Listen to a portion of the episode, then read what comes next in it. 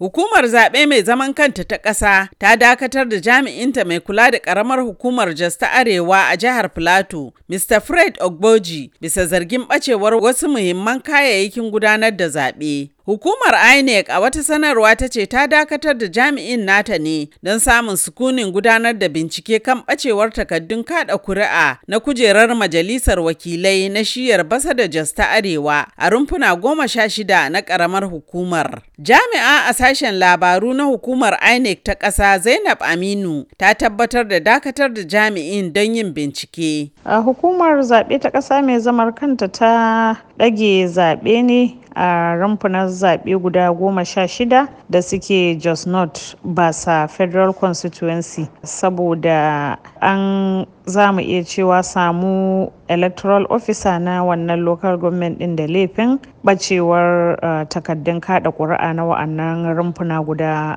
goma sha shida ɗin. Kuma kaya ne wannan takardun zaɓe an kawo su daga abuja an karɓe su amma a hannun shi kuma sai aka neme su aka rasa.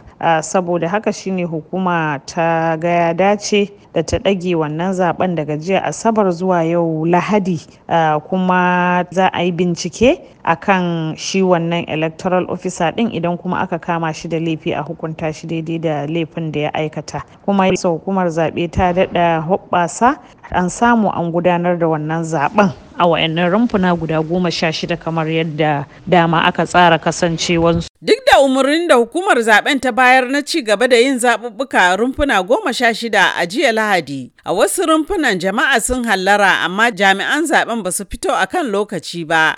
A wasu wurare kuma jami'an zaɓen sun fito amma jama'a ba su je rumfunan ba. Mr. Rafael Madugu ɗan jarida ne a jihar Plateau ya shaida min wasu daga cikin rawar da jami'in hukumar zaɓen da aka dakatar ya taka na rashin ba da bayanai. Lokacin da aka fito aka buɗe wuraren zabubuka sai akwai inda aka tarar cewa ma'aikatan INEC ba su riga sun iso ba kuma mutane sun fito. Aka kai kuka ga INEC cewa ga mutane sun fito kuma kayan aiki ba a kawo ba mutane suna ta jira. Ana ta koke-koken nan yan jarida sun yi ƙoƙari su yi magana da shi baya ɗaukan waya an aika mishi da sako ma bai ansa ba. To amma kana ga ta ina ya kamata ita INEC ta yi gyara musamman saboda gaba kar a samu irin wayannan rashin fahimta ko kuma rashin wayar da kai musamman daga ɓangaren ita INEC ta yadda mutane za su gamsu da abin da matakan da ta sa. Kira na ga hukumar zaɓe shine nan gaba a tabbatar cewa wayannan kayan